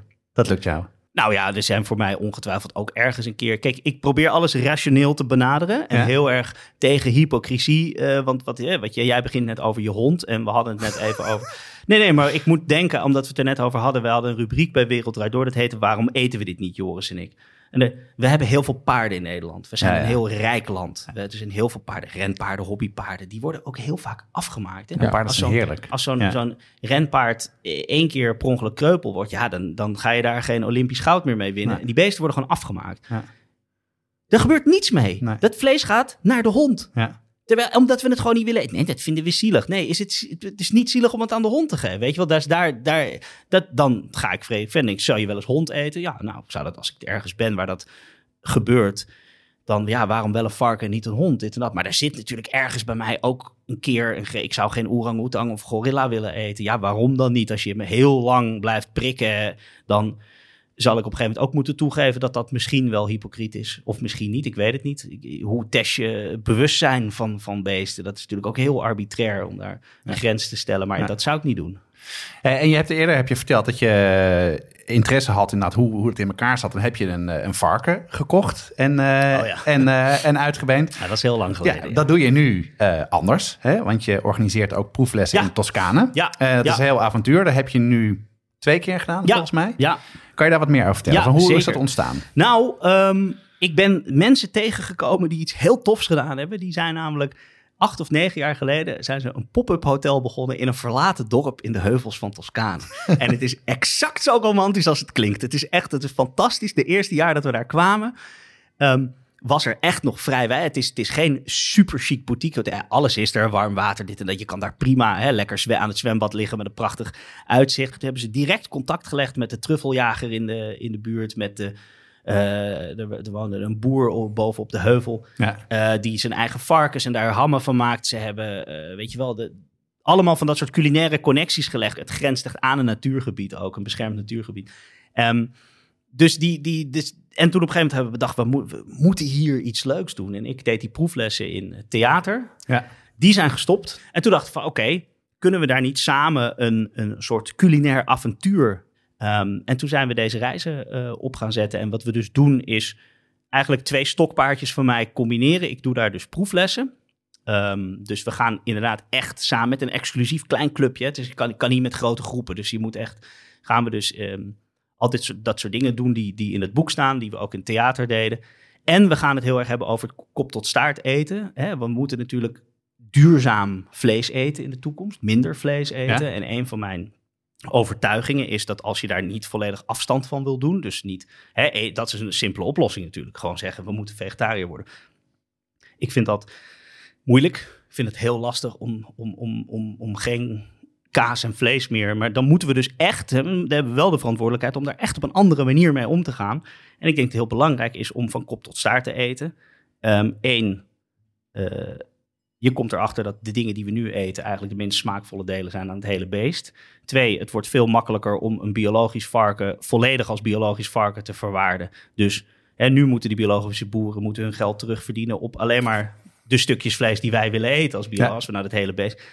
En, en drie, eigenlijk het belangrijkste is als je eenmaal gaat. Je, je, je, je wordt je bewust van het feit dat er. Je moet je bewust worden dat dat, dat, dat, dat rode lapje met dat, met, dat, met dat vieze maandverbandje eronder in dat piepschuimen bakje in de supermarkt. dat dat ooit van een beest kwam. En, en hoe kun je dat nou het beste doen? Door gewoon die kop en die vier poten en die staart op te eten. Dan kun je er niet omheen. Ja. Plus, je komt erachter hoe echt lekker vlees smaakt. En dat dat niets te maken heeft met die waterige kipfilet die in de, in de, in de... Dus je begint ook te begrijpen dat als jij om zeven uur met twee jengelende kinderen in de supermarkt staat, dat je net zo goed tofu als kipfilet door de nasi kan gooien. Smaakt allebei naar niks. ja, Ja. Dat is, dus Nee, omdat je weet, ik, ik ga in het weekend lekker dat, dat mooie wangetje stoven als ik er de tijd voor heb en dit en. Dan, dan een beetje hetzelfde wat je doet met een goede fles wijn. Die trek je ook niet open om, om zeven uur s'avonds op donderdag. Nee, dan moet je weten dat je mensen hebt die daarvan kunnen genieten. Dat je de tijd hebt om dat een beetje... Dat... Nou, enfin, dat in heel kort gezegd. Die twee dingen komen samen in die reis. We, hebben, we gaan... Dus we gaan wijn proeven, we gaan charcuterie proeven, we gaan het heel erg hebben over wat fermentatie doet, wat bepaalde hè, wat, wat regionale verschillen. Eh, we doen een wildplukwandeling. We gaan heel veel kooksessies samen doen. En we hebben de meerdaagse salami-workshop. Dus we gaan een varken van kop tot staart helemaal verwerken. Dus, want die Italiaanse eettraditie, die leent zich zo goed voor al deze dingen. Ja. En ze zijn zo goed in, in elk stukje gebruiken, verwaarden, iets heel lekkers maar met heel weinig vlees. Hè? Al die vleeswaren die ze maken, de lardo's, de salamis, met heel weinig vlees eigenlijk hun gerechten, van die pasta gerechten waar je aan het begin van de uitzending over, op smaak brengen. Dat is dus, dus met heel weinig vlees, heel veel smaak. Ehm, en het, en het, is, het, is, het is een prachtig ehm, product, een prachtig voorwerp om al die lessen uit die proefles aan op te hangen. Ja, want dat is, dat is eigenlijk wat je doet. Hè? Dit is eigenlijk gewoon een soort van proefles XXL. Ja, het Je is gaat- proefles op reis. zeg Proefles maar. op reis. Ja. Oké. We gaan de link in de show notes zetten. Dan kunnen mensen zelf kijken of, Ja, ze, dat, super, eh, of ze super, dat leuk super, vinden. Ehm, eigenlijk probeer jij met je recensies en met je stukken en met je televisieprogramma's... probeer jij de Nederlander culinair een beetje op te voeden. Denk ik. Uit te leggen waar ze, wat we eten en waarom we het eten. Ehm, inmiddels heb jij ook twee verse exemplaren van Nederlanders thuis zitten. Ehm, hoe, hoe voed jij je kinderen culinair op? Ehm, nou, eh, kijk. Die van mij hebben, eh, die, de jongste, ik, ze zijn twee en drie. En die van drie wordt bijna vier. En het is, ze zijn tweeënhalf en bijna vier. De jongste die vreet echt alles. Dat is heerlijk. Dat is een meisje, kun je neerzetten. En die, die, dat, en die blijft ook maar is net een goudvis. Als jij niet stopt met voeren, stopt zij niet Ja. eten. Maar dat had die andere vroeger ook. Alleen er komt gewoon natuurlijk gewoon een keer een moment... dat ze een soort van, van eigen regie leren. dat ze dat, en dan gaan ze opeens besluiten... dat ze groene dingen niet meer lekker vinden. Totdat je het monstersaus noemt... en dan vinden ze groene dingen opeens weer wel lekker. En dan heeft het niet zo heel veel te maken met het ingrediënt zelf. Dan is het meer een soort autonomie dingetje. En ja, god, weet ik veel. Ik bedoel, ik heb dan, mensen zeggen dan, daar moet je niet te veel eh, tegen ingaan. Dus dat doe ik ook niet. En daar maak ik niet een heel groot probleem van. Ehm, maar wat ik wel doe, wat ik vanaf het begin gedaan heb, zodra weet je begint dus gewoon met een soort van stukjes gekookte zoete aardappel, wat ze dan zeg maar zelf kunnen opeten als ze heel jong zijn. Ja. Nou, daar gaat dan toch een heel klein beetje garam masala overheen. Of weet je wel, gewoon Ja. laten wennen aan die, aan die smaak. Je niet pittig maken, want dat is natuurlijk dan, dan maar gewoon kruidenmengsels die niet pittig zijn. Ik probeer, of dan, dan maak ik, weet je wel, eh, fried rice of zo, of weet ik veel wat. En ik probeer daar altijd een klein beetje ketchup, dingen. Laat ze maar snel mogelijk wennen aan zoveel mogelijk specerijen. Ik doe ook altijd, laat ze altijd ruiken. Ja. Dan zeg ik, Moos, kom eens hier. En dan doe ik het potje open. En dan zeg ik, weet je wat het is? Ruiker is aan. Nee, dit is sterren. En hij zegt, oh ja, is lekker hè? En dan zeggen ze, ja, ja. Als je iets heel enthousiast zegt, dan vinden ze dat ook. Ja, ja, ja. Je moet gewoon zeggen, dit is heel lekker. Ja, is heel lekker, weet je wel. En, dan, en soms zegt hij ook nee. Dan zeg ik, oké, goed, zoeken we wat anders. Of dan gaan we in de tuin. En dan laat ik ze ruiken. Dit is munt en dit is oregano en dit en dat. En dat vind ik dan natuurlijk ook gewoon weer heel leuk als er dan niets vermoedende mensen staan. En ik zeg, Moos, wat is dit? Dat is een vlinderstruik. Dan ben ik weer heel trots. wel. Dat, dat, ehm, En, maar maar jij, jij biedt ze dus heel veel aan. Ja. Je confronteert ze heel veel. Ja. Zijn er ook regels? Zijn er dingen? Moet, er alle, moet alles worden geproefd? Ja, maar het heeft niet zoveel zin als ze zo jong zijn om daar een enorm ding van te maken. Want je gaat dit niet winnen. Het wordt, eh, het is dan, dan sta je op een gegeven moment denk je, godverdomme, ik ben een volwassen man. Ik heb weer staan schreeuwen tegen een kind van drie. Weet je wat, dat is gewoon, je moet dat gewoon niet willen. Want het, het, het, Maar, maar eten, ehm, eten bij jullie altijd mee? Of kook je apart voor ze? het ja, so- pff, ehm, weet je, wij, hebben, wij zijn twee freelancers met hele onregelmatige werktijden en dingen. En het, het moet ook gewoon een beetje werkbaar zijn. En soms maak ik even, weet je, op woensdag eten ze altijd warm in de middag op de opvang. Dan krijgen ze poffertjes en nou, dat eten wij iets anders. Weet je Ja, wel? Ja. Maar het, eh, en, en soms maken we, ik, merk wel, ja, kijk, het werkt wel hè. Als je 's ochtends en 's avonds met elkaar aan tafel zit, allemaal met je aandacht erbij. Je maakt hem, dan eten ze beter, dan zit er meer ritme, er is meer regelmaat. Maar ja, eh, soms lukt het niet. En dan, Nee. dan, eh, of ik, eh, ik maak hetzelfde en dan doe ik er bij mij een hele grote kneep harissa doorheen. En dan, Ja. dan, zo kun je het ook een beetje leuk houden. Hou je het voor jou interessant en Ja. zij leren toch een nieuwe smaak Ja, kennen. gewoon Ja. vooral weinig zout. Dat, daar moet je mee uitkijken, volgens mij, met kleine kinderen. Ja? En voor de rest kunnen ze best. Als je het maar klein genoeg maakt en het past allemaal tegelijk op een lepel, dan, Dan gaat het wel naar binnen. Ja, ja, ja. En ze gaan bij je ook mee uit eten. Ze eh, figureren regelmatig als restaurantbaby op je, op je Insta. Ja, je moet wat, hè? Ja, dan, dan moeten ze maar mee, anders kunnen we nooit meer uit eten. wa- wa- wat vinden zij daarvan? Weet ik niet. Je kinderen? niks. Nee, niks. Vinden ze prima. te jong om daar iets Ja. van te vinden. En wat vinden restaurateurs daarvan? Weet ik niet. Nee? Die re- reageren, die doen niet moeilijk. Kind, Wat, kleine, dat ik ze kleine op kinderen aan tafel. Nee, nee, nee, nee, oh, nee. mee Dat, naar- dat ze oh, mee uit eten oh, gaan. mee uit eten gaan. Oh, volgens mij vinden ze dat wel leuk. En volgens mij, ja, restaurateurs, ehm, de meesten doen er niet moeilijk over. En degene die wel moeilijk doen, dan zeg ik, nee hoor, ik heb zelf een babystoel bij me. En dan, Ja, ja, en dan- ja, ja, kom op zeg. Dat, eh nee, maar ik vind ook wel, ik, vind, ik, ik, ik ben wel heel gevoelig voor als ze heel veel herrie gaan maken. Of als ze vervelend zijn of andere mensen er last van hebben. Ik, ik probeer ze heel erg, ze krijgen van ons dan iets om te kleuren of te doen of dit of dat. Totdat ze gegeten hebben. En dan daarna mogen ze gewoon op mijn telefoon een filmpje kijken. Nog het laatste half uur of drie kwartier. Ja. En we zijn ook gewoon op tijd weer weg. Want die kinderen moeten naar bed. Dus ik vind het, ik kan er helemaal niet tegen als... Ik ben er heel gevoelig voor, voor overlast veroorzaken voor andere mensen. Ja, Ehm, dus ik let daar gewoon heel goed op. ja. Dus je vol- laat niet door de doen- zaak rennen. Nee, volgens en, mij eh, doen we dat heel netjes. Nee, ja, dat- ja, nee. Dat komt ook voor. Zeker, Ja. zeker. Hey, ja, je had het net over dat eh, kinderen periodes hebben. Dat ze dingen wel lekker vinden of niet lekker vinden. Zijn er dingen die jij, eh, die jij echt niet lekker vindt om te eten? Gefermenteerde haai. Ja, dat zei je Nee, al. dat, ja. eh, ehm, Dat ronduit goor, heb ik ja, nee, ik vind, er zijn, er zijn een paar, ja, dat, dat vind ik gewoon, dat, is, dat, dit, dit- dat krijg ik gewoon niet weg. Ik heb ook Maar een gewoon paar simpele keer dingen die je- geprobeerd en dan denk ik ook, ja jongens, weet je, je bent 40, doe er niet zo stoer, laat het lekker gaan, weet je wel. Dat is, je hoeft het, je hoeft, het hoeft niet. Ehm, wat, eh, nou, er zijn, nee, er zijn eigenlijk niet zo heel veel dingen die ik echt niet lekker vind, maar er zijn wel dingen waar mijn voorkeur niet zo naar uitgaat. Zoals? Ik vind, nou, stampot. Vooral heel veel van die snert waar je zo'n lepel rechtop in kan. Waarom moet Hollandse pot toch allemaal zo, pff, weet je wel, van dat kwakvoedsel zijn? Weet je zo, Ja, ja. dan krijg ik zo'n associatie met zo'n lijn in de gevangenis waarbij al die zo flats, flats, flats van die lepel. Ja, ik, ik, mij doe je. Ja, volgens mij, mij doe je daar niet zo'n extreem. Ik vind ook, je hebt ook zeg maar twee stijlen in de risotto. Hè? Degene die nog een beetje zeg maar het korrel- korreltje willen, willen voelen kraken. En degene die er pap van. Ik, ik, als het helemaal pap is, dan denk ik, pap. Wat moet- Ja, ja. Nee, dat, dat, dat, dat, daar. Not my weapon of choice. Nee, nee. We, we hebben het nu heel erg over, over eten en Jo. restaurants. Ja. Ehm, hoe zit het eigenlijk met jouw eigen kookskills? Kan je een beetje koken? Jawel. Ja? Jawel, Ik loop er niet mee te kopen, want dat lijkt me heel gevaarlijk.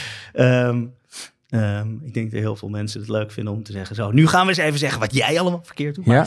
nee, ik, ik ben, nee, ik ben geen kok. Ik ben geen, eh, niet opgeleid als chef. En ik, ik, ik, ik heb, ik zou, nee, ik ehm, pretendeer helemaal niet eh, op dat niveau te kunnen koken. Maar ik kan natuurlijk wel wat. Ik vind het hartstikke leuk. Ik vind het interessant. Ik heb smaak. eh, en ik, ik dus ja, nee, dat. Kook jij het meest thuis of je Nee, partner? mijn partner. Jouw partner. Ja, Ja. die is namelijk gewoon super goed in kijken wat is er in een ijskast. En daar gewoon niet te lang over te doen. En daar gewoon iets heel goed. Zij kan echt heel goed koken. Ja. En we kunnen ook samen heel goed eten. Zij is ook iemand, een van de van het kleine cirkeltje mensen die meegaat. Eh, Tegenwoordig wat minder, want dan zijn de peuters thuis. Ja, maar, ja. ehm, eh, dus dus daar, daar heb ik er wel echt nou ja, op uitgezocht. Zo, Ja, ja. Maar daar hebben we elkaar in gevonden. Ehm, eh, en zij kan gewoon heel goed dat soort dingen. Als ik ga koken, dan eh, eten we vaak pas om half tien. Want dan moet alles netjes klaarstaan in bakjes. Vorige Ja, oh ja, ja, misoplast. en dat soort Ja, dingen. ja. en Zo, dat, maar wat ik, ik, ik doe meestal, ja, dat klinkt ook weer heel cliché en ouderwet. Ik doe meestal het vlees bakken en de vis bakken. Daar, daar heb ik een goed, op zondag. goed gevoel. eh, Ja. nee, ja, precies. Nou ja, dat weet ik. Ik, gewoon, ik vind... En, en eh, wat ik zelf ook echt heel fijn vind, is stoven maken. Oké. Ja. En daar ook lekker vroeg mee beginnen. En dat Ja. dan in het weekend het hele huis vanaf 11 uur s ochtends al rijdt. En dat je weet dat het... En en het liefst eigenlijk pas de volgende dag eten. En ik ben nu ook af en toe een beetje uit kookboeken aan het koken om, eh, in het weekend. En dan bijvoorbeeld Indonesische gerechten. Dat je eerst in twee fases, dat je eerst iets gewoon bijna helemaal droog stooft. Ja. En dan weer in een nieuwe fase weer nieuwe ingrediënten toevoegt. En het dan weer helemaal. En dat je dan die gelaagdheid. Dat vind ik. Ja, en, en natuurlijk gewoon. ge- ik bedoel, die, ik doe nu een serie voor de krant eh, over invasieve exoten. Ja, ja. Dus ik heb eh, nog een paar halsbandparkiet in de vriezer liggen. Ja. En ik heb nog een uh, Ah, laat, laat net stierkikkers. Kikkers op, hè? ja, echt van die enorme, het is enorme Amerikaanse brulkikkers.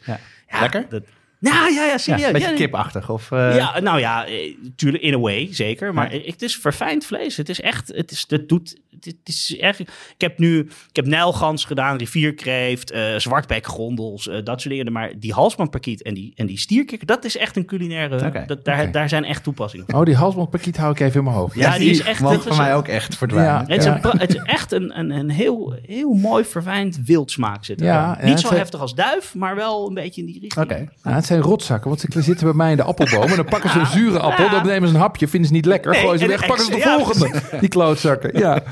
Goed. Hey, we hadden het al eerder over Texas. Eh, Ah, daar ga je oh ja. regelmatig naartoe. Daar moeten we ook nog over. Ja, Ja. precies. Ja, we Eh, hadden het, eh, we hadden het eh, over Texas. Ja. Eh, daar ga je eh, naartoe. Waarom, waarom ga je naar Texas? Vertel.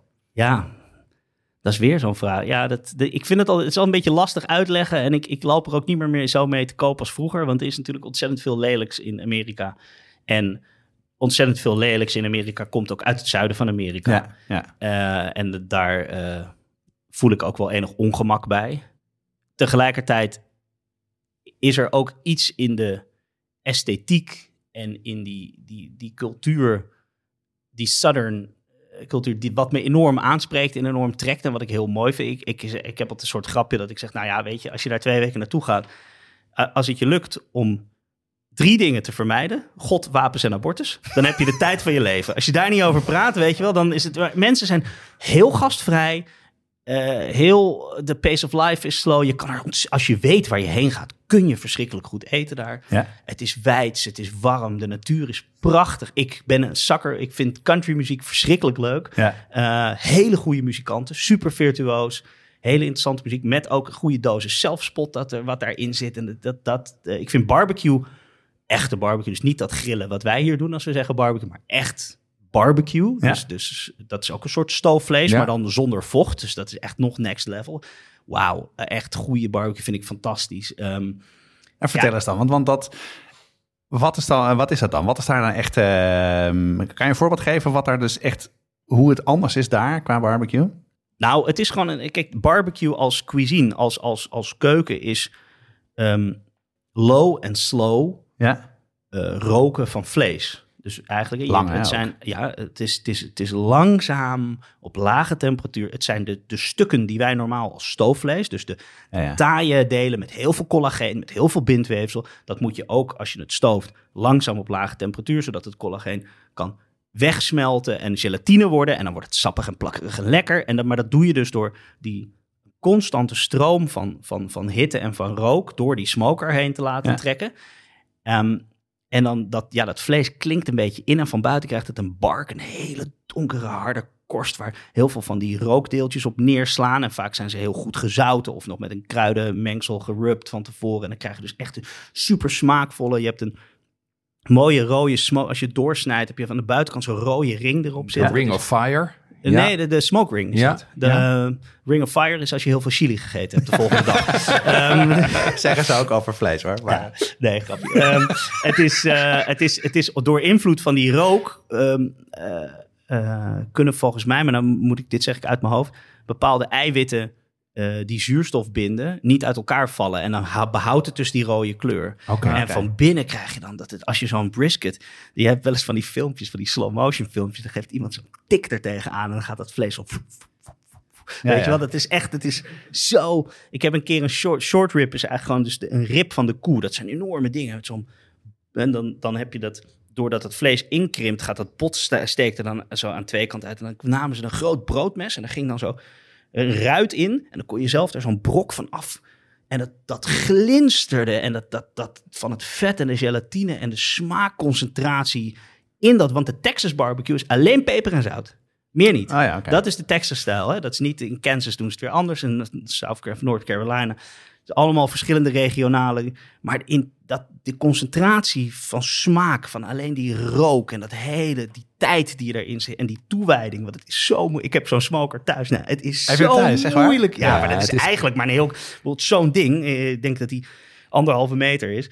Maar dat is natuurlijk relatief gezien maar een heel kleintje. Dus hij is zo warm en zo weer afgekoeld. Dus heel moeilijk om dat op constante temperatuur te houden. En Weet je alles van, hè? Ja, vind ja dat ik heb echt- laatst ook weer een brisket verpest. Ja, dus dat maar, dat is, is, eh, maar dat is ook wel de endgame. Hè? ja, dat, wa- daar was ik mee bezig. Ja. Oh, man, ik ik werd dat verslagen door de eindbaas. Ja. ja, ja, ja. En, eh, ja, en, en natuurlijk de esthetiek van, van cowboylaars en beltbuckles en pick-up trucks. Ja, Ja. Dat, de ene is francofiel en de ander Ja. eh, houdt daarvan. Ja. Ja, en eh, toen- we eh, de, de koffie aan het proeven waren, toen onderbrak ik je even toen je over bourbon ging, want ik wist dat ik, de- dat ik hier deze vraag ging stellen. Aha, oké. Daar heb je ook een liefde voor, toch? klopt. Vertel.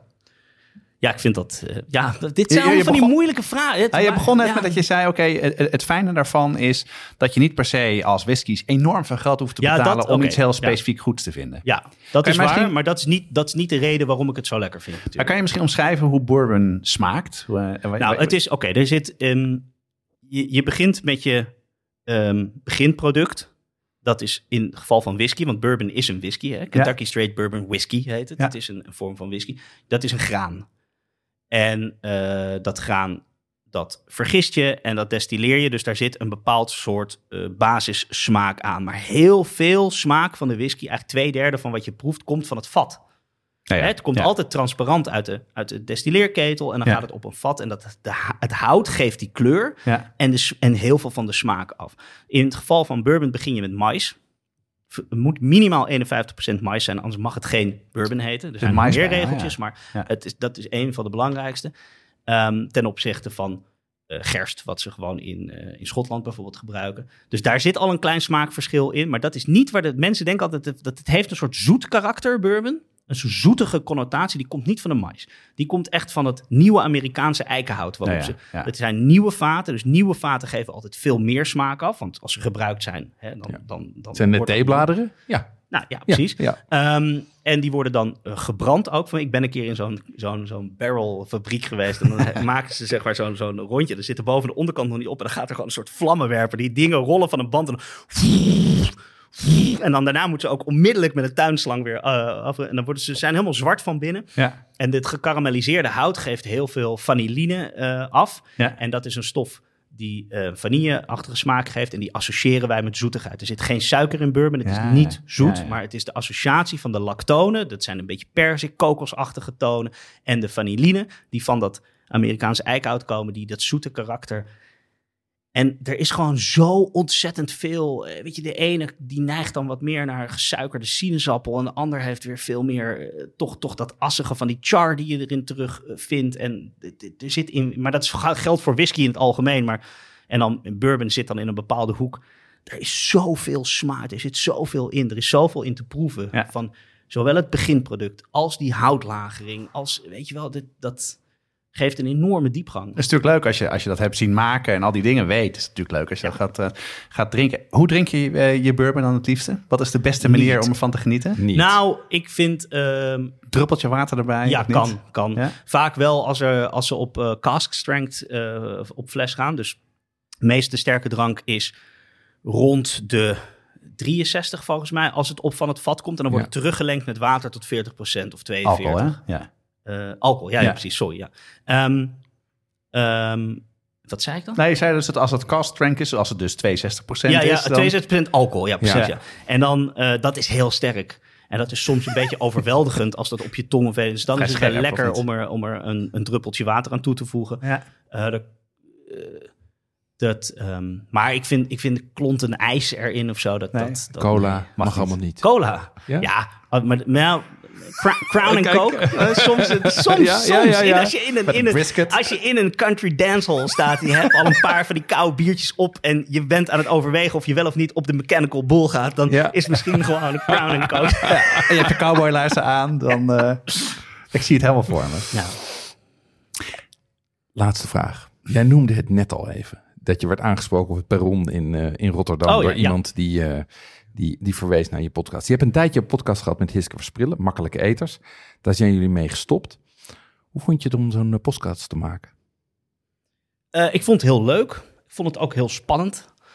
Ehm, maar vooral heel leuk. Ja. Werken zonder beeld, hoe, eh, hoe bevalt dat? Want je hebt natuurlijk vooral televisie gedaan. Eh, nou ja, het is, het is wat dat betreft. Televisie is, is, is een monster. Ik bedoel, dan moet je. Dat, het is super tof puzzeltje om te maken. Maar er zijn zoveel moving parts met televisie. Wat je allemaal van tevoren allemaal moet regelen. Wat je moet anseneren. Wat je moet stagen. Wat je wel en niet, wat je niet gaat stagen. Wat je vervolgens allemaal aan materiaal moet verzamelen. Om vervolgens in een edit weer in elkaar te zetten. En met zoveel mensen en schrijven en dingen. En dat, dat, dat is, dat is een, en het is heerlijk om dat allemaal niet te hebben natuurlijk. Ja. In a way. Ja, Ehm, en, en om lekker je eigen ding te doen. Ik, ehm, wij hebben ons gewoon... Kijk, Hiske is natuurlijk net als ik. Die is ook gewoon iemand die... We hadden van tevoren afgesproken. We gaan gewoon lekker babbelen. En we maken wel een draaiboek. En we gaan wel praten. Dit, nou ja, toen kwamen we natuurlijk allebei aan. De eerste keer hadden we weer een hele dag gezeten. En alle, Ja. dat, dat, dat, dat, wij kunnen dat allebei niet loslaten. Dus dan ga je toch heel veel werk en, eh, en research erin steken. Ehm, en... eh, Maar dat doe je toch, dat doe je volgens mij altijd. Als ik je nu zo dit Jawel. afgelopen uur hoor praten. Dat je, en waarom dan, was dat dan bij een podcast dan, eh, dan ingewikkeld? Om van Nee, niet helemaal niet. Maar het was gewoon niet. niet het, was, was, het was gewoon lastig omdat we aan de ene kant. Dit was gewoon nieuw voor ons. En we zijn daar gewoon vrij bleu in gegaan. En, en, en we vonden het superleuk om te doen. En heel gezellig om samen te doen. Maar er was gewoon nog heel veel om uit te vinden over hoe we dat dan, hoe dat dan moet. En, en, ja. eh, Ja. en, en uiteindelijk, wij zijn allebei wat dat betreft ook gewoon heel netjes in die zin van wij zijn journalisten en wij moeten gewoon kijk we zijn freelancers de krant neemt ons niet in dienst dus we moeten er wat naast doen tuurlijk dat snapt iedereen alleen wij wilden gewoon niet reclame maken voor dingen die met restaurants of, met, of in de eerste lijn met... eh, Kijk, over een messenmerk zou ik nog wel na willen denken, want daar schrijf ik niet over. Maar wij waren daar vrij eh, eh, Ja, ja. stellig in. En ja, dan, dan is het heel moeilijk om er geld mee te verdienen. En als het aan de andere kant ook uiteindelijk toch best wel weer veel meer tijd kost... Ja. dan je had bedacht van tevoren, ja, dan, dan is het een soort disbalans... Ehm, maar ik ben nog wel, ik heb nog steeds wel het idee dat we dat ooit gaan oplossen. Ja, ja. Dus als de financiële puzzel wordt opgelost, dan, eh, dan, dan maak je, ga je weer een podcast maken. Nou ja, en, en eh, ook eh, als het past binnen eh, alle andere werkzaamheden. Ja, natuurlijk. Dat, eh, maar nee, ja, nee, ik ben nog steeds van. Ik bedoel, ik zou het heel graag willen. We hebben ook nooit gezegd dat we het niet meer zouden gaan doen. Maar ja, Hissers heeft met andere dingen bezig en ik had het ook even druk. En, en hopelijk gaan we binnenkort weer even over nadenken. Ah, nou, dat zou hartstikke superleuk zijn. Ja, Ja. door deze podcast is natuurlijk bij mij ook het enthousiasme Ja, hè, jongens? Ja. Hey Joël, eh, ontzettend leuk dat je tijd vrij maakte om eh, bij ons te zitten. Eh superleuk om je een beetje te leren kennen. En ontzettend bedankt voor dit gesprek. ja, dankjewel dat ik eh de gast mocht zijn. En zo lang over mezelf mocht lullen. Heerlijk, jongens. Dankjewel. Dankjewel. Voor de luisteraars van de gratis podcast zit het erop voor deze aflevering. Voor de brigade gaan we nog door met het supplement. En in het supplement gaan we praten met vier leden van de brigade, echt te gek, over onze gedeelde liefhebberij, namelijk koken en lekker eten. Het supplement is te beluisteren voor de leden van de brigade. Als je dat ook wil luisteren, word dan lid. En dat doe je door naar petjeaf.com slash podcast te gaan en meld je aan. Op 7 september starten wij met seizoen 5. Eh, in de tussentijd komen we nog een paar keer langs met wat cocktails. Kortom, je hoeft deze zomer aan het zwembad je niet te vervelen. Deze podcast wordt gemaakt door Jeroen Doucet en Jonas Nouwen. Met speciale dank aan Joa Broekhart voor zijn komst. Eh, met dank aan Cosentino voor de prachtige locatie. Maarten Kouleeuw voor zijn perfecte panettone. Linnik voor de macarons. Okhuizen Hendricks en Frontaal voor de drankjes. Eh, Pimenton en Kaasfort Amsterdam voor de hapjes. En het team natuurlijk. Dat bestaat uit Natasja Roda, Corianne Straathoff, Anita Sar, Paul Veldkamp, Kamp, Cato van Paddenburg en Jesse Burkunk. De muziek is gecomponeerd door Nico Brandsen en Ton Dijkman en wordt uitgevoerd door Mel en Vintage Future. Fijne vakantie. Jij ook, jongen.